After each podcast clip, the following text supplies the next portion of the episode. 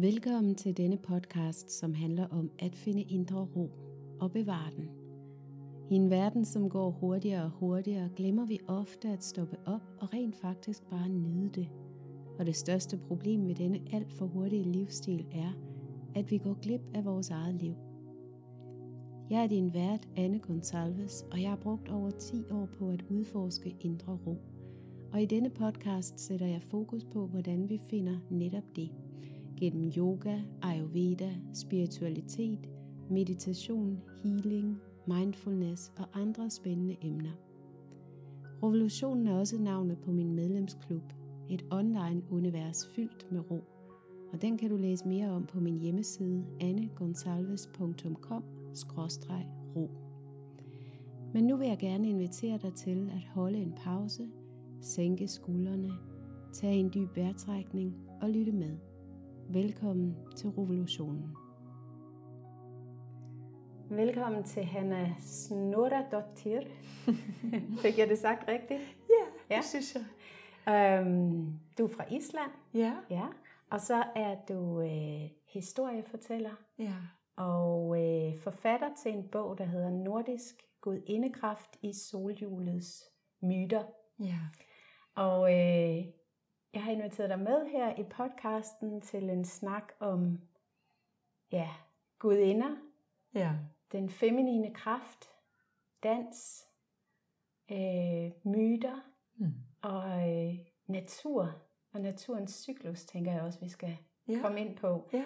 Øhm, så velkommen til revolutionen. Tusind øhm, tak. Har du lyst til at starte med at, at introducere dig selv og fortælle lidt om din baggrund? Ja, det kan jeg godt. Øh, det lå ikke sådan helt i kortene, at jeg skulle blive historiefortæller. Øh, jeg øh, tog en uddannelse her i København som miljøingeniør, og, og arbejdede i KB som, som affaldsingeniør. Og, og så tænkte jeg ligesom, at min fremtid var sikret. Men øh, skæbnenånderne ville åbenbart øh, væve nogle andre tråde, eller spænde nogle andre tråde for mig. Så øh, og på et tidspunkt, hvor jeg arbejdede i KV og øh, var lige øh, blevet skilt fra min, øh, fra min eksmand, min islandske eksmand, øh, der møder jeg en historiefortæller. Og, øh, og det ændrer ligesom hele kursen af mit liv. Øh,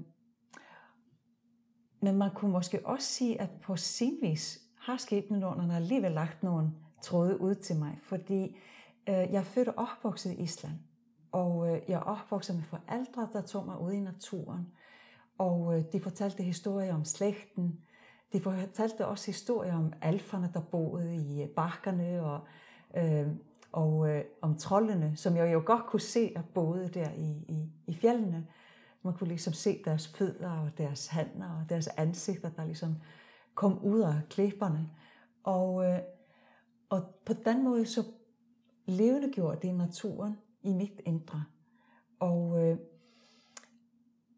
og da jeg så møder Brita Haugen, hende historiefortælleren, øh, som jeg fortalte om, så blev jeg på en eller anden måde mindet om det, den baggrund, jeg havde med mig fra, fra Island.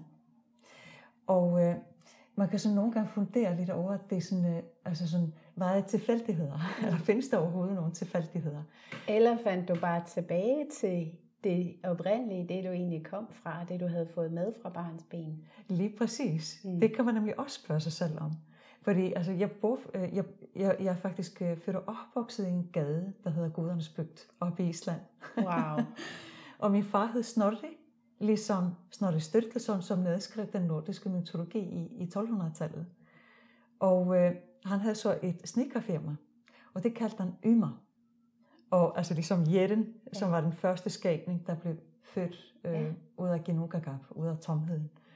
Så, øh, så der har måske alligevel været nogle stepping stones, som skæbnenånderne har lagt ud for mig. Mm. Så ligesom, hey, fat det nu. fat nu, hvad du skal arbejde med. Ja.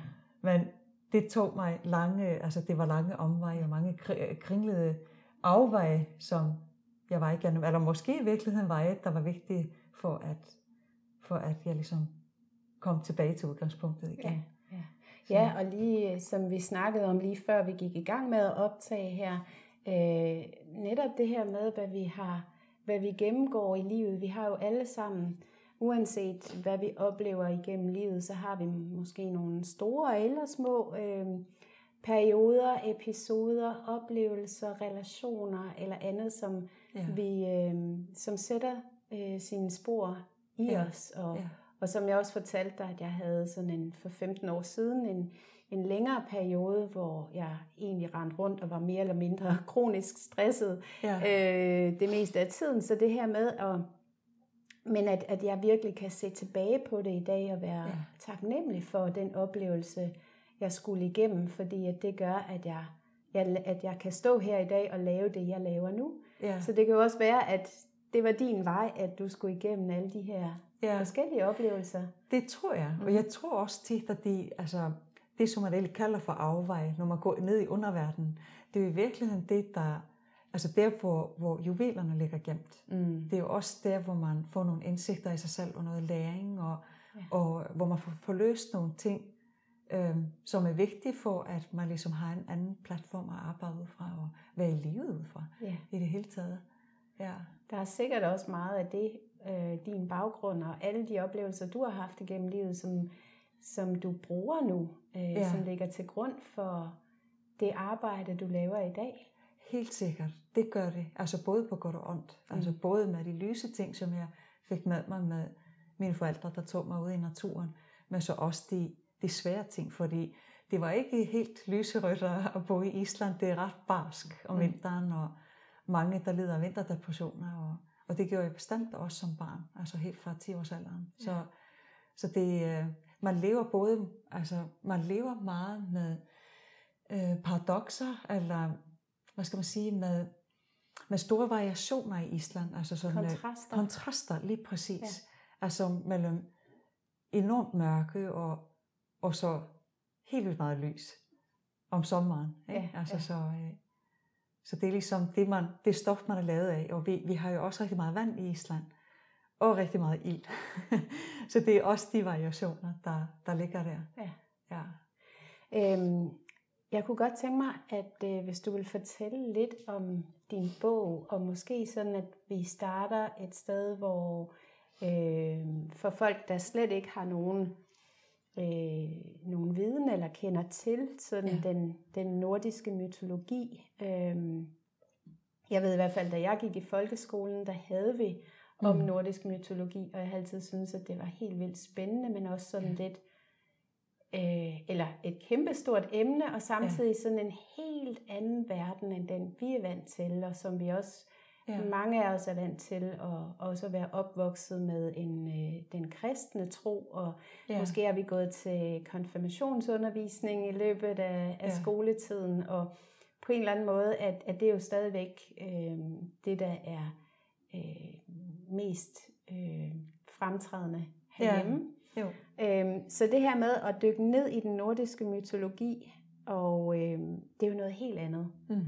Og øh, det du har skrevet i din bog, det er, at nordisk mytologi blev nedskrevet i 1200 til 1400-tallet. Ja. Øhm, kunne du fortælle lidt om, om baggrunden, og hvad er det for nogle tekster, du har taget udgangspunkt i, også ja. da ja. du skrev din bog? Det kan jeg sagtens. Det, øh, Bogen er skrevet, fordi at øh, jeg manglede selv en introduktion til den nordiske mytologi, der var skrevet ud fra et mere feminint perspektiv. Alle de genfortællinger, jeg har læst øh, om mytologien, det har, været, det har dels været skrevet om mand, som selvfølgelig altså bærer præg af det, og deres øh, erfaringsverden. Og det er der som set ikke noget galt i. Jeg kunne bare ikke spejle mit kvindeliv i de fortællinger, fordi at øh, det var meget beskrevet ud fra asernes eller krigsgudernes perspektiv. Så jeg gik øh, i gang med at prøve at finde, jamen, øh, hvor findes de stærke gudindemøter? Hvor er kraften i de arketyper, der, der ligger i den nordiske mytologi? Og øh, så jeg skriver egentlig bogen først og fremmest som en håndbog til mig selv. Lidt egoistisk i starten. Og så blev jeg klar over, at men det kunne da godt være, at der var andre, der havde der kunne have gavn af det. Og øh, jeg, øh, da jeg gik i gang, øh, der gik jeg selvfølgelig i gang med at kigge på den ældre Adda, som jeg havde læst også i gymnasiet, i forbindelse, som du også nævnte. jeg gik i gang med at læse om de nordiske guder og gudinder ja. der. Og øh, jeg kiggede i Snorra Edda, øh, som er skrevet i 1200-tallet. Og, øh, og øh, så kunne jeg sådan ligesom se, jamen rigtig mange af de her historier, som vaskeægte mandehørns historier.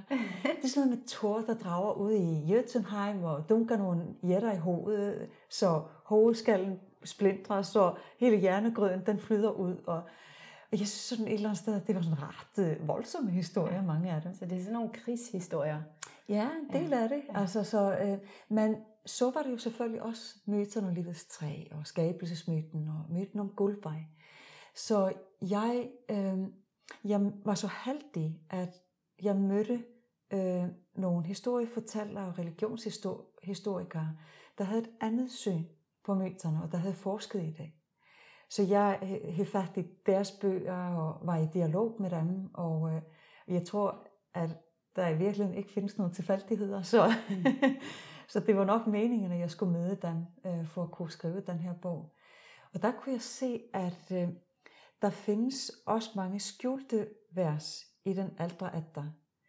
Øh, Hvordan skjult? Man kan sige, at der er en del, der er blevet skrevet, eller, eller der er nogle små ting, der er blevet skrevet ud, som alligevel har en enorm betydning. Vi har nogle gamle, øh, hvad skal man sige, håndskrifter, Codex Regius og Høgsbog, eller Høvensbog, som er af ældre dato. Og øh, der er det feminine stadigvæk med, mm. for eksempel i skabelsesmyten. Øh, og, øh, og også i øh, myten om guldvej. Og, øh, og, det, og når man så kigger og sammenligner det med den ældre Adda, der er det feminine på mange måder skrevet ud, eller mm. fordrejet, mm. øh, i en mere patriarkalsk retning. Og det synes jeg er enormt spændende. Og det, nogle gange drejer det sig om enkelte bogstaver, nogle gange drejer det sig om altså nogle vers. Så, så det eller er nogle sætninger i vers. Ja, det er nogle fortolkninger. Mm. Og så er også rigtig meget af den nordiske mytologi også blevet fortolket af mand. Og det er klart, fordi det var jo dem, der startede med at researche de her ting. Men eftersom der er kommet flere og flere kvinder i faget, øh, både i religionshistorie, men også i øh, arkeologien og linguistik, så begynder man også at se nogle andre ting som også er blevet altså understøttet af de nyeste arkeologiske fund. Og det synes jeg er enormt spændende. Ja. Så, øh, så det er sådan med gudindernes vinkel på, at du har skrevet bogen? Ja, ja. det er det. Og det er også ud fra hjerternes. Altså så man kan både fortolke som de oprindelige folk, altså eller den ældste gudeslægt, mm-hmm. eller måske i virkeligheden elementernes kræfter. Mm. Fordi de bor altid fuldstændig ufremkommelige steder. Altså det er den, der har den ældste visdom. Men det er, og det er, repræsenterer jo naturen, i virkeligheden dens grundvold. Hvorimod aserne repræsenterer kulturen på sin vis. Og civilisationen, der ligesom på mange måder prøver at komme af med jætterne. Mm. Altså så sådan i en overført betydning, er det jo også det, vi ser i dag, altså Øh, man kan også fortolke mange af de her myter som, som det vi ser udspille sig i dag, at øh, vi har nogle af de her store virksomheder, der prøver at få fat i det land, som mange af de indfødte har. Fordi at der er måske nogle planter der, der skal bruges til medicin, eller der er, eller de skal bruge det i forbindelse med øh, kvægdrift, eller, eller hvad det nu kan være. Ja. Så, øh, så det er nutidens øh, asaer, det kan man vel kalde det. Ja, ja det kan man vel ja. meget godt kalde det, ja. fordi aserne står meget for erobring mm-hmm. og grådighed og krig og magt. Måske øh. kunne du forklare, øh, fordi du skriver nemlig også i bogen, at, øh, at det er det er din fortolkning af de her fortællinger, og det er ja. ligesom er genfortællinger af myter ja. fra en tid, hvor Norden gik fra vanetro til asatro. Ja. Kunne du forklare lidt om forskellen på vanetro og ja, asatro? det kan du tro, fordi vanerne, det er dem, der står for frugtbarheden. Altså det, det er dem, der fremmer frugtbarheden og, øh, og alt det livgivende, den livgivende cyklus i naturen. Og øh, vanerne, de, øh, de var øh, det samfund, øh, hvor, altså hvor vanerne ligesom var dem, der var fremtrædende. Det var shamanistisk, animistiske samfund. Det er i virkeligheden der, hvor Freja ikke var en gudinde. Hun, hed, hun hedder i de ældste håndskrifter Frøja, eller Frøja. Og, øh, og det er frø, altså så repræsenterer hun, hun frøets livskraft. Er der livskraften i os selv? Vi er jo også kommet af et frø, altså af et æg i, øh, i moderskødet, og så en sædcelle, der, der ligesom forbinder sig med hinanden. Mm. Så det er jo i virkeligheden, man kan sige, at det er to frø, der forenes. Og øh, så, øh, så hele, altså, hele vanernes øh, verdenssyn, det handler om one world view. Vi er, alting er forbundet. Vi er mm. alle sammen forbundne ja. i en og samme organisme. Og øh, så det handler alt sammen om, hvad er det, der fremmer frugtbarheden? Hvad er det, der fremmer den ægte kærlighed øh, mennesker imellem? Og øh, hvad er det, der fremmer forbindelsen og samhørigheden? Så det, det er ligesom, og det bliver jo også kaldt for kærlighedsguderne og, og, og frugtbarhedsguderne og gudinderne. Men det, det var det jo, altså, og, og, og i udover, undskyld, udover Freja, hvem var det så? Det var, det var Frej, som repræsenterer regnen, og det var øh, jord, eller havets kraft. Altså det var i hvert fald dem, der blev omtalt, og der har formentlig også været flere. Altså når man kigger mm. lidt bagom, så kunne man også forestille sig, at Sif har været en del enten af vanerne eller alferne. Altså det er kornet, øh, det bølgende gyldne korn på marken. Ja, ja. Eller sifene, altså, ja, ja. Og, øh, og hel, altså helheden, øh, halvbredelse, healing. Hun blev jo til, gjort til dødsgudinde i øh, asertroen, men før har hun stået for noget helt andet. Mm. Og måske i virkeligheden været den store moder, eller den store bedstemor i, øh, i det, vi kalder for vanertroen, som i virkeligheden, altså, det var jo ikke sådan, at, øh, at folk dengang definerede det. Det er bare noget, en etikette, der er kommet på bagefter. Øh, men har det, det har været, været mere shamanistisk, animistisk samfund. Ja. Hedningerne kan man også kalde det. Ja. Du skriver nemlig også om vanetro, at det er, der var i hvert fald som hvad man ved eller, øh, ja. eller tror, ja. øh, ud fra de tekster og de fund, man har gjort, at ja. vanetro var, hvor der var ligeværdighed imellem køn præcis. og samme eksistens med naturen. Lige præcis. Og det jeg så har fundet ud af, efter jeg har skrevet bogen, det er, at der var 1700 år, hvor samfundet var kvindeledte. Det vil sige, at øh, altså, vi havde vølverne, og det kommer af vulver. Det vil sige, altså, det er jo, altså, det var jo kun kvinder, der var vølver. Ja. Og øh, mange har snakket om, at det betyder stavbærer. Men det, det er nok noget, der kommer senere hen. Altså hvor staven også er sådan et mandligt symbol, kan man vel også kalde det. Men det er også det, som vølverne formentlig brugte til at rejse mellem verdener. Øh, men de har formentlig, udover at være shamaner, at, og, og datidens naturvidenskabskvinder, der kunne læse i vind og være, og der kunne også bruge stammen til lydheling, og der vidste noget om urter og sådan nogle ting. Men der har de også haft en samfundsmæssig funktion som ledere af det samfund. Og øh, hvor de også har kunne sejte, det vil sige øh, rejse på deres, øh, på deres stammes vinger mellem dimensioner, for ligesom at, øh, at se, hvad gavner samfundet lige nu, mm. og hvilken retning skal vi nu. Så 1700 år med, ja. Med, med ledelse, kan man sige, af vølverne. Ja. Øh, og hvornår mener man, at det har, den det har været, har været? Øh, det har været for cirka, nu skal jeg lige tænke mig om, jeg mener, det er fra cirka 1200 før Kristus til 500 efter Kristus. Der skete en kæmpe samfundsmæssig ændring øh, fra år 400 til 500. vi har den, øh, vi har den hundiske invasion i, øh, i Romeriet med kong Attila i spidsen. Og man har altid tidligere ment, at øh, det var den romerske, altså nogen, at, øh, nogen fra det romerske her, der blev fortrængt op mod nord.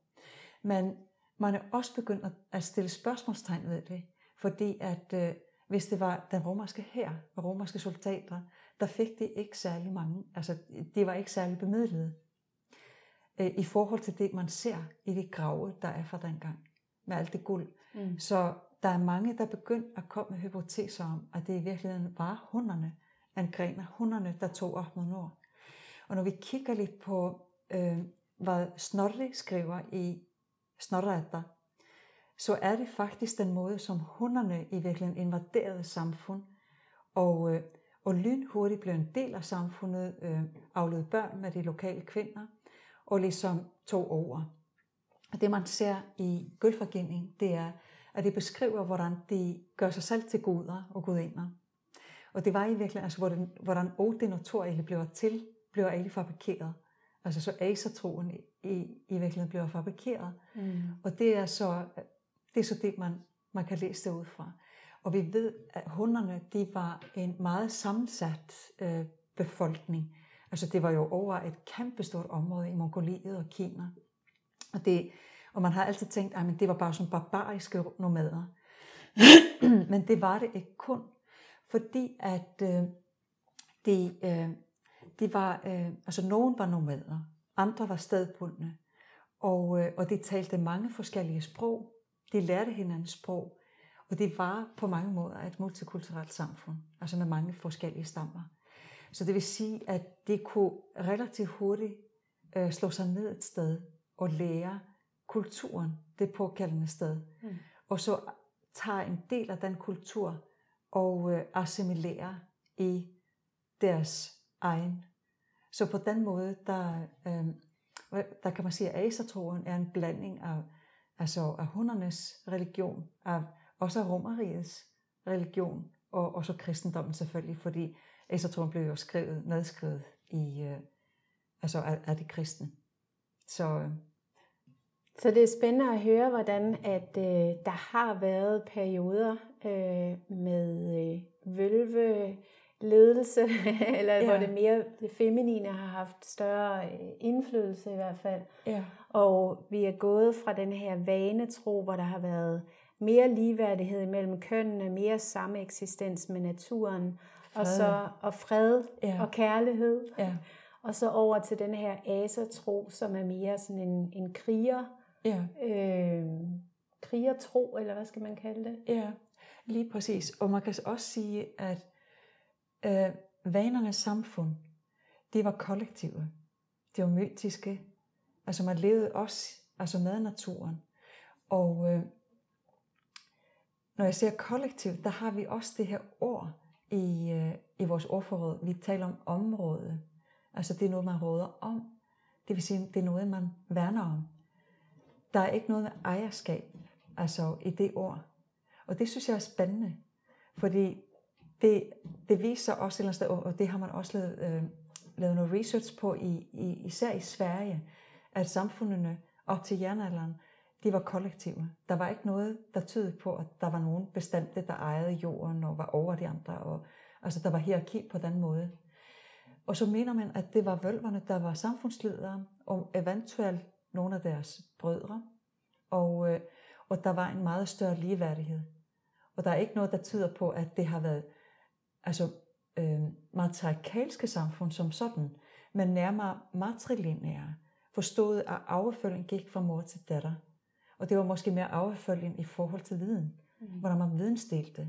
Altså for eksempel, at, at man delte den viden, man havde som vølve til den kommende generation. Og, øh, så det har ikke været noget med, at så var det kvinderne, der undertrykte mændene. Altså på den måde.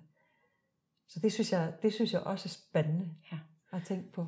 Jeg sidder og øh, så sent som i går, der så jeg en øh, dokumentar omkring øh, vores øh, man kalder det, øh, klimakrisen øh, og øh, og en, en journalist, der tager ud for at finde sådan forskellige løsninger eller kigge på, hvordan kan vi vende det, øh, stoppe det og vende det. Ja. Og, øh, og noget af det, han også kommer ind på, det er netop det her med, hvordan vi kan lave for eksempel elektricitet eller mm. landbrug. Og de her, han kigger sådan på forskellige områder, der er vigtige for mm. i forhold til klimaet. Øh, og også, at vi er nødt til at, at forandre vores tankegang og vores tro på, at mm. vi er individuelle mennesker. Ja. Øhm, og det er lige så meget min egen fortolkning, jeg kører nu her, men også det her med, at vi er nødt til at finde tilbage til denne her oneness, ja. som du også taler om, at de havde dengang. Fuldstændig. Øhm, hvis vi skal overleve. Præcis. Det er en kæmpe, øh, både samfundsmæssig, men også en uh, mindsetmæssig forandring. øh, som det kræves, Ja. og som vi bliver inviteret til lige nu. Jeg har altid haft det sådan, at jeg synes, det er unaturligt, sådan som vi lever i vores, altså i vores samfund. Jeg synes for eksempel, at øh, på mange måder med de ting, jeg laver, at det er unaturligt, at jeg skal ud og markedsføre det og sælge det. Altså det var en del, altså det jeg laver med historiefortælling og med dans og, og, øh, og med alle de ting, også med shamanisme og sådan noget, det, det, det var en integreret del af livet. Det var ikke noget, der blev sat på et marked. Og øh, jeg har sådan en indre um, ulyst nogle gange til, at, øh, at det er noget, som jeg er nødt til at, at sætte en pris på og sælge, øh, fordi vi ikke engang lever i sådan et samfund, som vi gør i dag. Mm. Og øh, jeg tror, der, jeg kunne forestille mig, at der er mange, der har det lidt på samme måde som mig. At, øh, og også det, at øh, vi er meget alene, tror jeg, og ensomme i, øh, i vores samfund i dag, hvor vi bare sidder foran en skærm.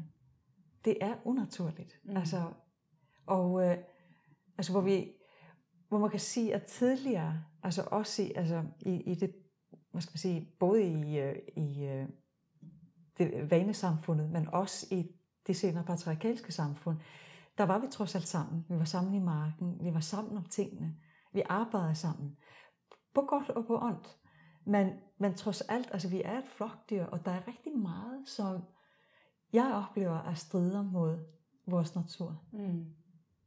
Tror du ikke også, at det giver øh, al den stress og uro, vi ser øh, hele verden over i dag? At, øh, fordi at folk, en ting er, at vi, vi kan så meget ved hjælp af teknologi, og jeg synes personligt, at Facebook er genialt i forhold til, at jeg kan følge med i min veninde, der bor i Australien, og se hende lægge billeder op af sine børn, og øh, Ja. at det er sådan en god måde at følge med i folks liv på, på øhm, men samtidig er det jo også øh, meget, at vi fjerner os fra hinanden, især Ja. hvis man så øh, bruger rigtig meget og for meget tid foran en skærm, som, Jo. som mange af os jo også gør. Hvordan at det fjerner os fra hinanden, at øh, vores relationer bliver sådan helt forskruet. Øh, folk kan ikke finde ud af, og jeg læste en, en- lige overskriften på en artikel også om en far, der skrev, at der er ikke nogen, der ser min datter i øjnene i bussen. Altså, der er bare ikke den der kontakt, Nej. fordi folk sidder alle sammen og kigger ned i deres telefon. Lige Så- præcis. Så, øhm, og det er jo noget, jeg ved, du arbejder med i din, ja. øh, når du tager ud og laver dine uddannelser og din øh, dans og det, du underviser i, at det, det handler jo også om relationer. Lige præcis. Øh, så, så hvad skal vi gøre, og hvordan, hvordan nej, lad mig omformulere det, hvordan oplever du, at det her med at, at komme i bedre kontakt med hinanden og sig selv, Ja. via det arbejde eller den måde, du formidler på, hvordan hjælper det folk til at øh, for eksempel at finde mere ro, eller finde tilbage til sig selv, mærke sig selv. ja. Øhm, Det er, altså, jeg arbejder rigtig meget med udgangspunkt i kroppen. Øh, både når, vi, øh, når jeg arbejder med min fortælleruddannelse, øh, der bruger vi dans. Vi bruger shamanisme, øh, både i, i forbindelse med varselstagninger, hvor vi går ud i naturen og beder vores åndefald om at være med os, eller universets kræfter, eller elementernes kræfter, eller hvad det nu kan være. Og hvor vi forbinder os både med de dyr og de planter og den natur, som vi møder på vores vej så kommer den med budskaber ind i for eksempel, hvordan vi, hvorfor vi har valgt lige netop den historie. Fordi det er ikke tilfældigt, hvilke historie vi vælger at fortælle. Især når det handler om myter og eventyr, som indeholder sådan en, ja, et budskab til os om vores øh, vej i livet og afvej i livet. Ikke? så det, når du, når du, prøv lige at forstå, hvad det er, at du siger det her med, at du i, hvad kaldte du det, varslinger? Ja, varselstagning. Varselstagning, Ja. så man, I går ud i naturen, forbinder jeg med naturen, med, Ja, med Det kan være, de, det kan være for eksempel en fugl, der kommer forbi, Ja. som, altså, som, hvor man kan, bare kan mærke, oh, den siger mig noget, Ja. eller har et så budskab man til får mig. nogle, ja, man får et Ja. budskab, man får nogle beskeder, og på den måde kan man bruge det Ja. som en måde til, for eksempel hvis man er i tvivl om sit næste skridt i, skal Ja. jeg tage det her job eller ej, eller hvad skal jeg træffe en beslutning, eller Lige præcis. så man, man bruger det som en måde at, at, at forbinde sig med naturen og få vist ja. nogle tegn, budskaber. Lige præcis. Jeg ja. kan give et godt eksempel ja. på det. På et ja. tidspunkt så havde jeg en kæreste, og jeg kunne ikke forstå, at jeg havde så meget indre uro. Der var et eller andet, der var off, og alligevel altså, så var alting rigtigt. Altså, vi havde det godt, synes jeg, og jeg var meget forelsket i ham, og, øh, og han sagde alle de rigtige ting, men alligevel, der var et eller andet, der skuede, og jeg kunne ikke finde ud af, hvad det var. Og så tog jeg varsel på det. Hvorfor har jeg så meget frygt eller indre uro i det? Er det, fordi jeg ikke tør gå dybere i det, eller er, det, er der et eller andet, der er galt her? Og øh, så gik jeg en tur, og så kom jeg til øh, det som gamle stenalderhus i Værløse, øh, som rekonstruktion. Og der så jeg på gavlen af huset, øh, mellem det strå, øh, stråtaget og, og gavlen af huset, der var sådan en kæmpe æderkoppespind. Og lige midt i æderkoppespindet, der var der en admiral, der, altså en sommerfugl, der, havde, øh, der var fast i, øh, i æderkoppespindet. Og jeg tænkte, hold da op. Og så gik jeg derhen, og øh, jeg tog øh, sommerfuglen, og, og det var sådan helt klister, så det tog lidt tid at få det der klister af. Og så var den på min, øh, på min finger i et par sekunder, og så fløj den væk. Og så tænkte jeg, okay. Sikke et flot billede. der er måske noget, der skal sættes fri her. Ja. Både mig selv og ham. Men nogle gange, når man tager varsler, så vil man ikke høre. Nej. Man vil ikke lytte, og der vil jeg ikke lytte. Nej. Og det tog lidt tid, før han så andte vores forhold. Og hvor det egentlig, altså det kom ikke bag på mig. Fordi at jeg havde taget varsler på det. Men havde jeg ikke gjort det, så havde jeg ikke vidst, hvad det handlede om. Og, øh, og det var sådan lidt sjovt, fordi han havde faktisk også øh, beskrevet sig selv som en sommerfugl. Altså som bragte lys og kærlighed altså på sin vej. Og ja, hvor jeg måske synes, at jeg sagtens selv kunne finde mit lys og kærlighed. Jeg behøvede ikke hans. det fik der udvekslet det, men jeg behøver ikke at blive ja, forandres som sådan. Og hvor er det et smukt billede øh, på, at uanset om man bruger naturen, eller om man bruger øh, i mit tilfælde meget yogaen også, ja. at, øh, men at, øh, eller meditation, eller musik, eller hvordan man end forbinder sig til, i virkeligheden er det, tænker jeg, at man forbinder sig til noget, der er det her, der er større end en selv. Hvad ja. du vil kalde det Gud, eller gudinder, eller ja. universet, eller kilden, eller hvad man ja. kalder det. Øh, men at vi alle sammen har adgang til de her svar på vores spørgsmål, eller ja. øhm, ja, når vi er i tvivl om noget, eller når vi mærker den her uro indeni. Ja. Jeg tænker også, at der er, vi lever jo også i et samfund, og har gjort det i mange, mange år efterhånden, hvor, øh, hvor det er hovedet, ja. det er sindet, det er det mentale, der, der er fremtrædende, og som vi egentlig har hyldet mest ja. Ja. i forhold til kroppen. Og det er jo også en af de ting, jeg arbejder med som i, i yogaen, som underviser i yoga, det her med ja. at komme fra hovedet og ned i kroppen, ja. og få adgang til kroppens visdom, Lige og, og alle de svar, vi har inde i. Ja. Men vi tror ofte, at vi skal eller, og det er det, vi er vant til at opvokse med, at vi skal ja. tænke os ud af noget. Ja. Og det er måske også derfor, at du har været i det her forhold, hvor du kunne mærke noget uro, og så har du tænkt, jamen, på papiret ser det jo fint nok ud. Præcis, lige præcis. Men du kunne bare mærke, at der var et eller andet alligevel. Ja. Ikke? Jeg tror, at jeg oplever det fra mig selv. Jeg tror også, der er måske mange andre, der kan genkende det her med, at vi, vi kigger på noget, vi prøver ja. at, at tænke, ja. og sådan rent mentalt se, jamen, det ser jo egentlig meget fint ud. Det her job, det lyder jo fint. Det er en god løn, og Lige hvorfor præcis. skulle jeg ikke være glad? Hvad er jeg for en utaknemmelig? Lige præcis. Øh, ja, og så, ja. Øh, men vi kan, når vi kan mærke, at noget er off, øh, ja.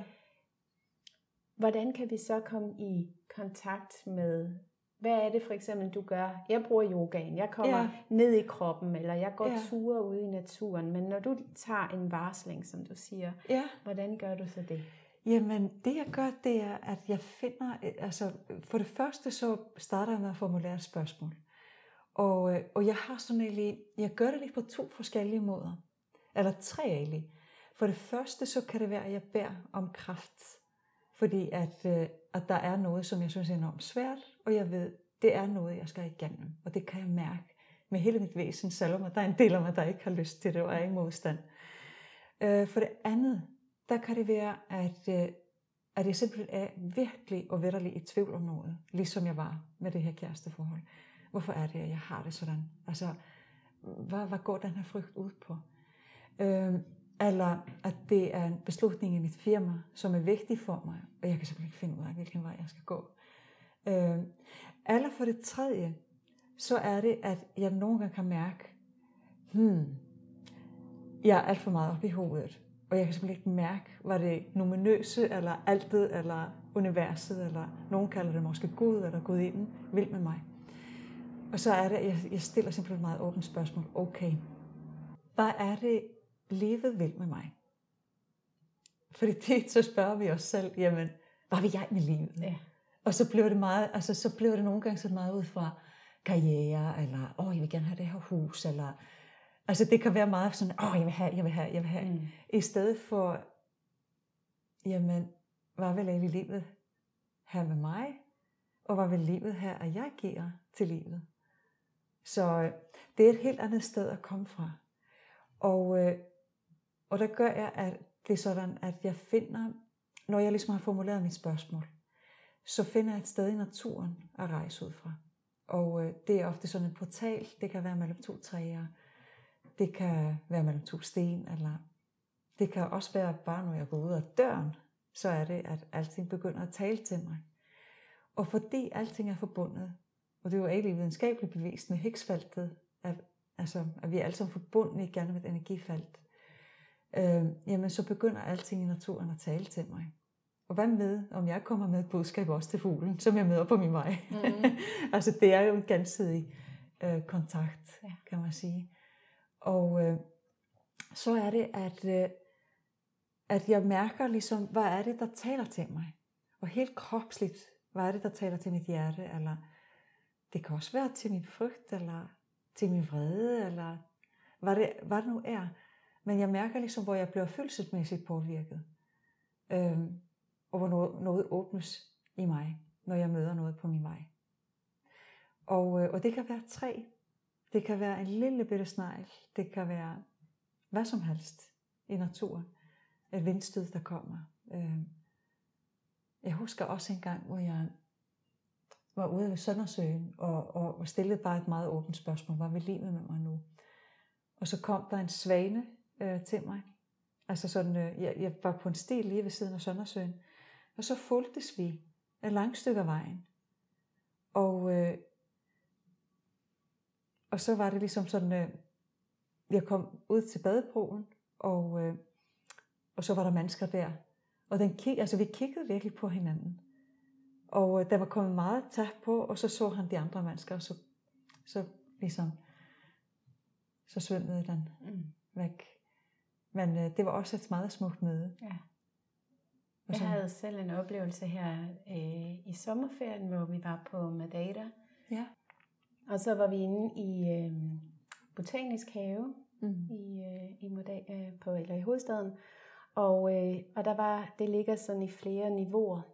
Ja. Så jeg så et træ, hvor øh, rødderne så var helt, øh, eller en del af rodsystemet i hvert fald var åben, og ligesom løb ned ad væggen ned til det næste niveau, der var wow. nedunder. Og jeg, jeg er ikke sådan en, der går rundt og krammer træer helt vildt, selvom jeg synes, de er smukke. Jeg er mere ja. forbundet, føler mig mere forbundet med havet. Ja. Øh, men jeg blev bare draget af de her rødder, øh, som var så smukke, og så gik jeg hen og lagde mine hænder på. Ja. Og det er første gang i mit liv, at jeg har følt en så stærk en kraft wow. fra et træ, fra en plante. og jeg tænkte, der var en masse beskeder, jeg fik og det varede kun lige nogle minutter, hvor jeg bare stod med hænderne på der, og jeg følte virkelig bare, at jeg fik en masse øh, beskeder ind ja. igennem mit system via den her kontakt til de her dybe rødder. Wow, så det var en, ja, det var meget stærkt. Ja. Og, øhm, så det her med at forbinde sig til naturen, jeg bruger det også rigtig meget i, jeg bor lige ned til Øresund, så komme ned ja. til vandet hver dag, og øhm, ja, der er også så mange symbolske ting i vandet, der renser, ja. og der, øh, der giver mig oplevelsen af også at være forbundet med alt andet, men ja. også og en oplevelse af det her uendelige, ja. øh, det her uendelige felt. Ja. Øh, ja. Og det der, er vi kun er en alle dråbe i havet, Lige præcis, ja. lige præcis. Vi er en dråbe i havet, og samtidig så indeholder vi alt i den dråbe også. Ja. Samtidig, ja. Præcis. Ja. ja. Det er ligesom en hel verden i en vanddråbe. Ja. Og det samme en hel verden i en, et sandkorn. Det er ligesom Ja. et hologram. Ja. Ja. Når jeg ligesom øh, har få, altså kan mærke, okay, nu er det på tide at drage tilbage. Øh, og jeg har modtaget den besked, jeg skulle have. Øh, der er det, at øh, jeg går igennem portalen igen. Og jeg gør det, at jeg faktisk mærker min jordforbindelse. Så jeg ikke sådan ligesom bliver helt lost Mm. derude i, i uh, Alfheim, som Annette Høst kalder det. Ja. og øh, så siger jeg tak Mm. til de åndefalder, der har, der har rejst med mig. Og, øh, og så drager jeg tilbage. Ja. Sådan ligesom til Midgård. Ja. Ja. Eller til menneskernes verden. Ja. Ja. Men så bruger jeg også rigtig meget dans. Dansen bruger jeg meget, hvis jeg mærker, at jeg skal få løst noget. Og, øh, og det er, øh, ligesom jeg beskriver i min bog i forbindelse med min skilsmisse, at, øh, at jeg var meget bitter og vred. Mm. Og jeg kunne ligesom ikke snappe ud af det. Og øh, Du blev jo hængende fast i den der vrede, ja. eller sad fast i den. Ja. ja. Og så dansede jeg det ud. Så dansede jeg, altså sådan, øh, jeg brugte meget livstræet, de symboler, der ligger der med det maskuline og det feminine. Og få danset alt det sådan øh, negative, eller, eller lad os kalde det heller de sårede aspekter Mm. af ørnen og slangen, eller det maskuline og det feminine. Mm. Altså ligesom at, at få virkelig, altså virkelig at gå ind i det. Okay, hvad ligger der der af budskaber? Hvordan kan jeg rumme mig selv her? Mm. Og, øh, og da jeg så gik slip på det, der gik jeg ind i de øh, hele aspekter af ørnen, det maskuline og slangen, det feminine, og dansede det. Så, øh, så det, var, det var faktisk meget kraftfuldt. Ja. Og det gjorde jeg et par gange, det var ikke kun én gang. ja, der skulle flere omgange til. Ja, det skulle der. Men øhm, og nu, kan, nu tænker jeg, at der måske sidder nogen og lytter med, som ikke øhm, lige kender så meget til de her begreber med det sårede øh, og det, det helede ja. maskuline og feminine. ja. Øhm, lige om lidt vil jeg også stille dig nogle spørgsmål, som vi lige kan komme lidt mere ind på nogle af de ting, du skriver om i bogen. Ja. Øhm, men kunne du lige sådan kort, ja. hvis man kan det, forklare omkring det feminine og det maskuline, fordi vi Ja. selvfølgelig ikke taler om køn her, Nej, men, men de her Energier. energier. energier. Ja. Præcis. Altså, øh, det sårede maskuline, det står for mig øh, for øh, enten den der aggressivitet, eller vrede, eller øh, det kan også være den der fordømmelse, kritik, kritikeren, overdommeren. Så vi har rigtig meget af det sårede maskuline i verden lige nu. Ja, det må man så sige. Ja, der er virkelig noget, der skal forløses. Ja, det må man så sige, også med krigen i Ukraine. Og, puha, ja. Og, øh, og så er der også det aspekt af det sårede maskuline, der, der lever nord for halsen. Det er der, hvor vi ikke er i nogen som helst forbindelse med vores, øh, vores krop og vores mm. følelsesliv. Og hvor vi har det lidt med at være arrogante og, hæ, og hævet over Mm. alt og alle. Og øh, ja, det har vi jo alle sammen i os, altså både mænd og kvinder. Og de sårede slange eller feminine aspekter, det har mere med offeret at gøre, at føle sig som et offer, at føle sig værdiløs og udulig, øh, at øh, altså ligesom, at man føler måske, at man skal manipulere sig til ting, fordi at man ikke bare kan bede om det direkte. Man skal Øhm. gøre sig fortjent til kærlighed, for eksempel. Lige præcis. Det er den slags, øh, ja, det er den slags, i den boldgade. Ja. Og hvor man også måske føler sig ensom og forladt, og man står alene med tingene. Og øh, så er det de hele feminine aspekter. Det er, det er at hvile i sig selv. Det er det med roen. At mærke ro i sig selv. Og øh, være i kontakt med sin intuition. Være i kontakt med hjertet og kroppen og følelserne. Og øh, det er også at føle sig forbundet forbindelse med naturen, forbindelse med sin cyklus, med månecyklusen og øh, årstidernes skiften. Øhm, det er, for mig står det også for at have en naturlig autoritet. Altså ligesom det at kunne være fuldkommen autentisk og se sin sandhed. Kærligt, ærligt. Det øh, øh hele det maskuline, det er det, der står for, øh, altså hvor man kan sige, det hele feminine, det er, hvor du mærker dit kald indefra. Så er det hele maskulin der, hvor du handler på dit kald. Så det er det at, øh, at være handlekraftig, men ikke på hvad som helst. Det er jo på det, der, der lever i dig, inde i dig. Og øh, det er også det at kunne afgrænse sig selv. Altså også kunne sætte grænser. Også over for andre, men også bestemt også over for sig selv. og øh, det at kunne beskytte sig selv og andre. Og øh, det er også den lejende energi. Altså øh, det lejende maskuline. Og det at være altså, klar i sine tanker. Det rationelle og øh, intellektet. Det bevidste. Ja.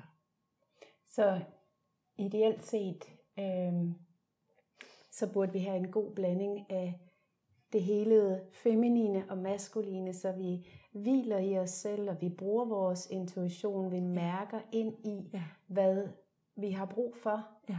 Og så har vi det hele maskuline, hvor vi også kan gå ud og så gøre det, der ja. skal til for, at vi får det, vi har brug for. Lige præcis. Så den der gode øh, balance imellem væren og gøren. Lige præcis. Yin og yang. Lige præcis, nemlig. Ja. ja. ja. Og så også det, altså jeg ser også meget, at det feminine, det er det jordbundne, altså det at have jordforbindelsen. Mm. Og det, altså også den jordbundne spiritualitet. Og det maskuline, det er så de øverste chakra, hvor du, hvor du ligesom har mere den der luftige spiritualitet. Mm. Yeah. Og i nogle spirituelle krise, øh, der oplever jeg nogle gange, at folk har arbejdet rigtig meget med de tre øverste chakraer, øh, og mangler så faktisk forbindelse. Ja, så de er sådan lidt fløjet væk. Ja. Ja, ja. i de øvre lag. Ja. ja. Ja, jeg ved godt, hvad du mener. Jeg kender også til det fra, fra yogaverden, ja. øh, hvor man jo også øh, ser det. Ja. ja. Øhm, jeg kunne godt tænke mig at spørge lidt omkring nogle af de ting, du også virkelig beskriver meget i din bog, nemlig øh, de forskellige faser øh, i naturen, eller årstidernes rytme, ja. eller cyklus. Ja. Så vi kender jo meget øh, cyklus i forhold til, så der er den kvindelige cyklus, vi ja. har månens cyklus, vi har den daglige cyklus, vi ja. har, der er jo cyklus overalt, årstiderne skiften. Øhm, og jeg føler egentlig, at rigtig mange af de her cykli, hedder det vist på, i flertal. Ja. øhm, jeg føler, at rigtig mange af dem er blevet øh, sådan øh, negligeret og, og ignoreret i det ja. moderne samfund. Ja. Kvinder skal bare øh, sluge nogle smertestillende, hvis de har menstruationssmerter, og så er det bare op øh, på hesten igen og ud og ja. arbejde på fuld drøn. Ja. Øh, det bliver forventet, at man arbejder lige så meget eller med, med lige så stor energi, ja. som man har om sommeren, øh, også Præcis. om vinteren øh, hvor det er mere naturligt at være mere indadvendt og, og ikke ja. have så meget energi, som vi har om sommeren. Så Præcis. Så hele vores moderne samfund er bygget op på en måde, hvor der ikke bliver taget hensyn til mm. den kvindelige cyklus eller øh, den årlige cyklus. Ja. Øhm, så det her med at følge årstidens øh, rytme, eller vores, den kvindelige rytme, eller hvad det nu end er, ja. øh, er jo også noget, som har rigtig stor betydning i forhold til indre ro, ja. i forhold til at finde en, den her balance imellem at være meget ude og ja. har brug for at trække sig tilbage og har været og være mere sådan indadvendt. Ja.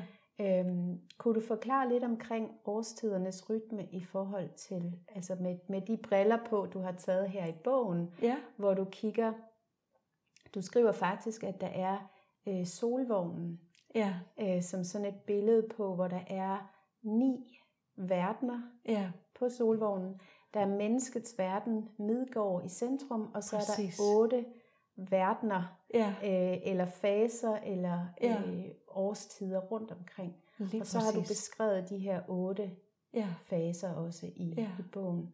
Kunne du sådan hurtigt ridse Ja, op, hvordan, ja. fordi vi jo, de fleste af os er jo vant til fire årstider. ja, præcis. Sommer og efterår og vinter og forår. Ja, Og, øh, og jeg arbejder øh, meget med kinesisk medicin og Ja. ja. elementerne der, som er vand og træ og ild og jord og metal. Ja. Øhm, så der er jo mange forskellige måder at beskrive de her cyklus eller Lige cykli præcis. på. Så de her otte Ja. ja. årstider, hvis du skulle beskrive Ja. dem. lige præcis. Ja, øh, de otte øh, årstider, eller de otte, eller de ni verdener, du har jo nævnt medgår som en menneskernes verden, som er ligesom naget i solhjulet, øh, og så med de otte årstider, eller de otte verdener omkring. Man kan sige, at øh, de otte øh, verdener, øvrige verdener, det er både steder med bestemte væsener i den nordiske mytologi, men det kan også muligvis have været øh, de her portaler, eller de her årstider, som, øh, hvor man holdt bålceremonier i det nordiske, øh, i, det, i det nordiske samfund tidligere. Og øh, vi har jo øh, vi har jo ligesom øverst oppe Niflheim. Det er der, hvor øh, det er allermørkest. Det er, det er ved øh, vintersolværv, og, øh, og det er der, hvor ringtorserne lever. Og øh, det er den øh, periode, der var til 1. februar, hvor vi har, altså for, i, i min verden, der har vi Udgård eller Jøtunheim med jætterne. Det er den årstid, der er ligesom, altså februar er den koldeste måned. Det er ligesom der, hvor altså sådan, øh, folk virkelig, øh, altså man, man, i gamle dage, der var, det, der var det der, hvor udskillelsen skete, og man overlevede vinteren eller Mm. ej i virkeligheden. Og, øh, og det er, øh, og jætterne står jo også for elementernes kræfter, som virkelig er på spil lige der. Og så har vi, øh, så har vi øh, Alfheim, det vil sige vorfasten, øh, eller nej, hvad hedder det, øh, nej, undskyld, øh, Varnheim, nu er det mig, der klokker i det. Vi har Varnheim øh, til jævndøgnene, og det er der, hvor frugtbarheden tager til.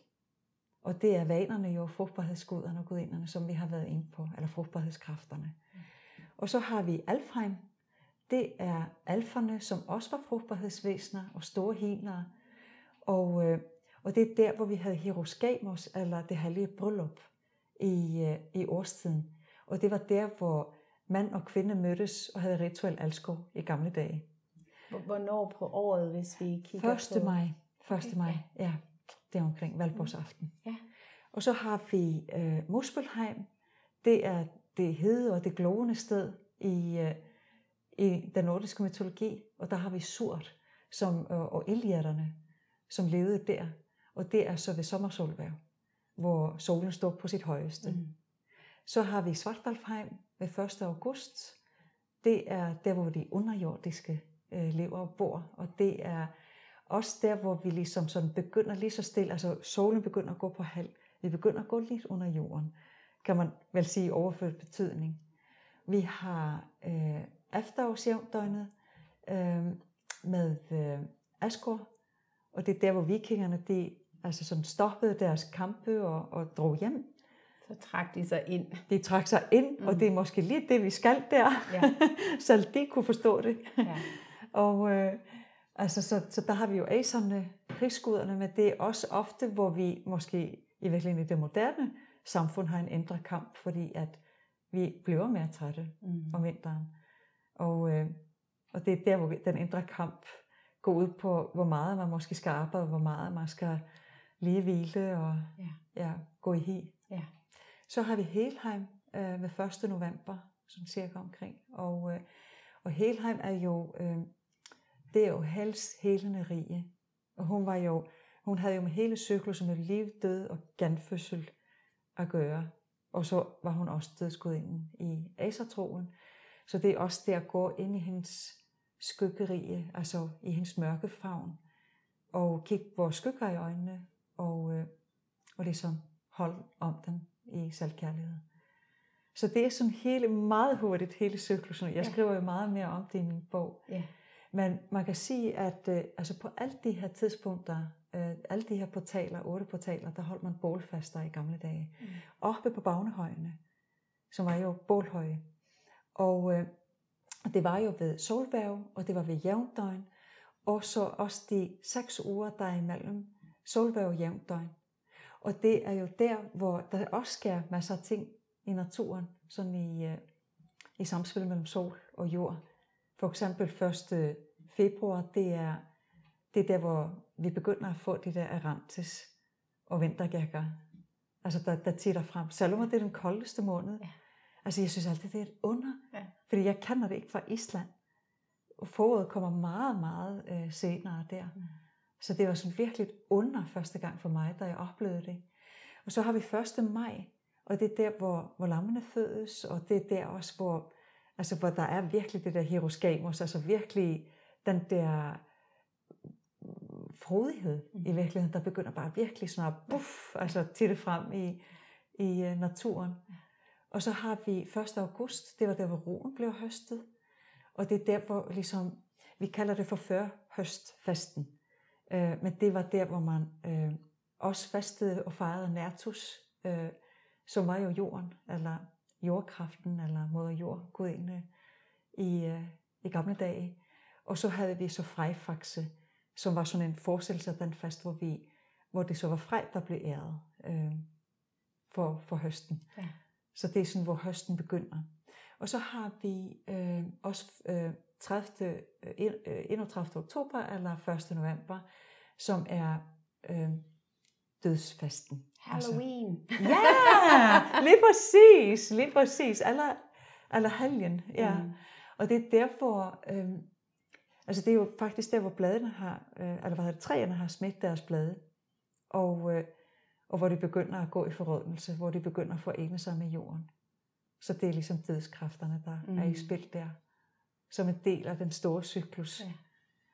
Og i, så, i, altså, der er jo mange, altså det hænger jo sammen det hele. Der er jo, det er jo bare forskellige beskrivelser af, ja.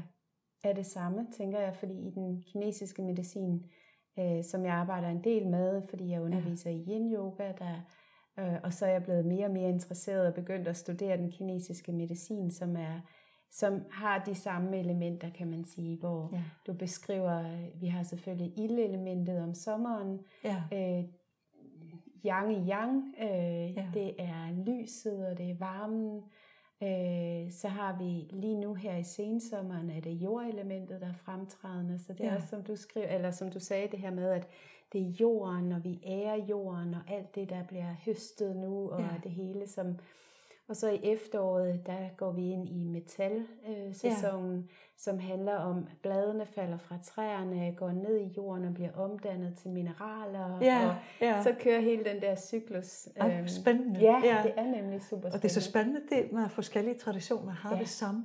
Fuldstændig, ja. ja. Ja, fuldstændig, men i hvert fald, det er de samme øh, grundelementer. Præcis. Øh, som man kan se, også selvom kinesisk medicin stammer fra en anden verdensdel, end vi bor i, men at Præcis. det er jo de samme, den samme form for cyklus. Ja. Øh, ja, jeg synes, det er så spændende, og jeg synes ja. også, at det er spændende, hvordan at vi, når vi, kan, når vi kender lidt til årstidernes ja. cyklus, eller ja. det, gør, det gør de fleste af os jo uanset, eller det ja. gør vi jo uanset, om vi kender til den nordiske mytologi, eller til Ayurveda, eller til kinesisk medicin. Mm. De her forskellige måder at beskrive det på. Øhm, men igen, vi er bare ikke, jeg er i hvert fald ikke vokset op med at, at ære det, Nej. og leve i samspil med det. Nej. Øhm, nogle gange så har jeg sådan en fornemmelse af, at det moderne menneske er blevet lidt for, øhm, hvad hedder det, føler sig lidt overlegent i forhold til, ja. Nå, men det er da lige meget med du ved, jeg kan bare, jeg kan have samme energi og kan sagtens knokle derud af, om ja. det så er december måned, eller om det er ja. juni måned. Ikke? Ja. Selvom de fleste, hvis de nu mærket godt efter, ja. godt kan mærke en forskel. Lige præcis. Øh, men så i stedet for at holde det der øh, hurtige jul kørende med ekstra kopper kaffe hen på ja. efteråret, eller øh, så det kunne bare være, jeg tror det, det, det kunne være en gave til rigtig mange at ære naturens cyklus mere. Ja, øh, og give sig selv lov til at trække sig tilbage om vinteren og Ja. Øh, det tænker jeg også. Ja. Altså, jeg tror, rigtig mange vil få gavn af det, og jeg tror også, vi vil have færre med vinterdepressioner. Ja. Det tror jeg helt bestemt. Ja. Altså, og øh, vi er blevet på så mange måder fremmedgjorte for naturen og vores egen indre natur. Mm. Altså det er sådan, øh, at nogle gange, når man egentlig siger det åbenlyse, så er det nærmest, at man skal have nogle videnskabelige artikler for at bakke det op. Ja. altså det er der, hvor vi er. Ja. Og det er lidt skræmmende. Ja. Jo, fordi men det er vel også videnskab, når du går ud i naturen, og du kan se, jamen, hvad sker der på den her årstid? Præcis. Der er solen på sit højeste. Ja. Hvad sker der på i december og, øh, ja. og vintersolvæv? Der er solen på sit allerlaveste, eller i hvert fald i forhold til, hvor mange timer vi har solen. Og øh, kunne det måske også være et match til vores energi? præcis, lige præcis. Det er det jo også. Ja. Fuldstændig rigtigt. Mm. Ja. ja. Og det er jo sådan, at videnskaben også er blevet til igennem erfaring og igennem observation. Ja. ja. Så det er super spændende at, at høre om alt det her med naturen og øh, naturens cyklus beskrevet igennem øh, de forskellige gudinder, og jeg kan stærkt anbefale at få fat i din bog Nordisk Gudindekraft, hvis man er interesseret i at læse mere om alt det her spændende, du har fortalt om, og meget mere i detaljer. Øh, så jeg kunne godt tænke mig her til slut at runde af med, øh, hvis du har lyst til at dele dit bedste tip til at finde indre ro. Ja, jamen for, for mit vedkommende, der bruger jeg meget naturen. Og, øh, og så bruger jeg også dansen. Og øh, naturen, øh, det er sådan til at få den daglige ro. Og øh, dansen, det er ofte, hvis jeg skal få løst noget. og øh, så vil jeg også sige, at nogle gange, så skal man faktisk have lidt uro for at finde ro, og det lyder måske lidt ja. øh, mærkeligt at sige det, men øh, jeg tror meget på det, som Søren Kierkegaard sagde med, at vove, det er at miste fodfastet på en stund, og ikke vove, det er at miste sig selv. Og nogle gange, når man står i nogle kæmpe processer med at finde sig selv, og finde ud af, hvad er det mit hjerte vil, så kræver det nogle beslutninger, der er måske sådan lidt beyond det, som man er vant til. Og, øh, Igen, det er ikke noget, der måske ser skide godt ud på papiret, nej, men, men det føles som om, okay, det her det er nødvendigt at gøre lige nu. Og det kan skabe massiv indre uro i starten, fordi ja. at man går imod det, et mønster eller en overbevisning, som man er ligesom sådan conditioned til, eller ja. det man er vokset op med. Ja. Og så skal man igennem den uro, og der kan naturen være en rigtig god healer.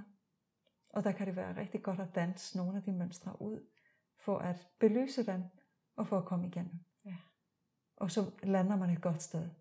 Og som i alle eventyr og myter, så går rejsen hjem, altså nedenom og hjem. Mm, spændende. Ja. Så man skal også huske på det, når man måske ja, føler, at man er lidt nede i underverdenen og graver efter juvelerne, at uh, det er der et sted. Så when you go through hell, keep on going.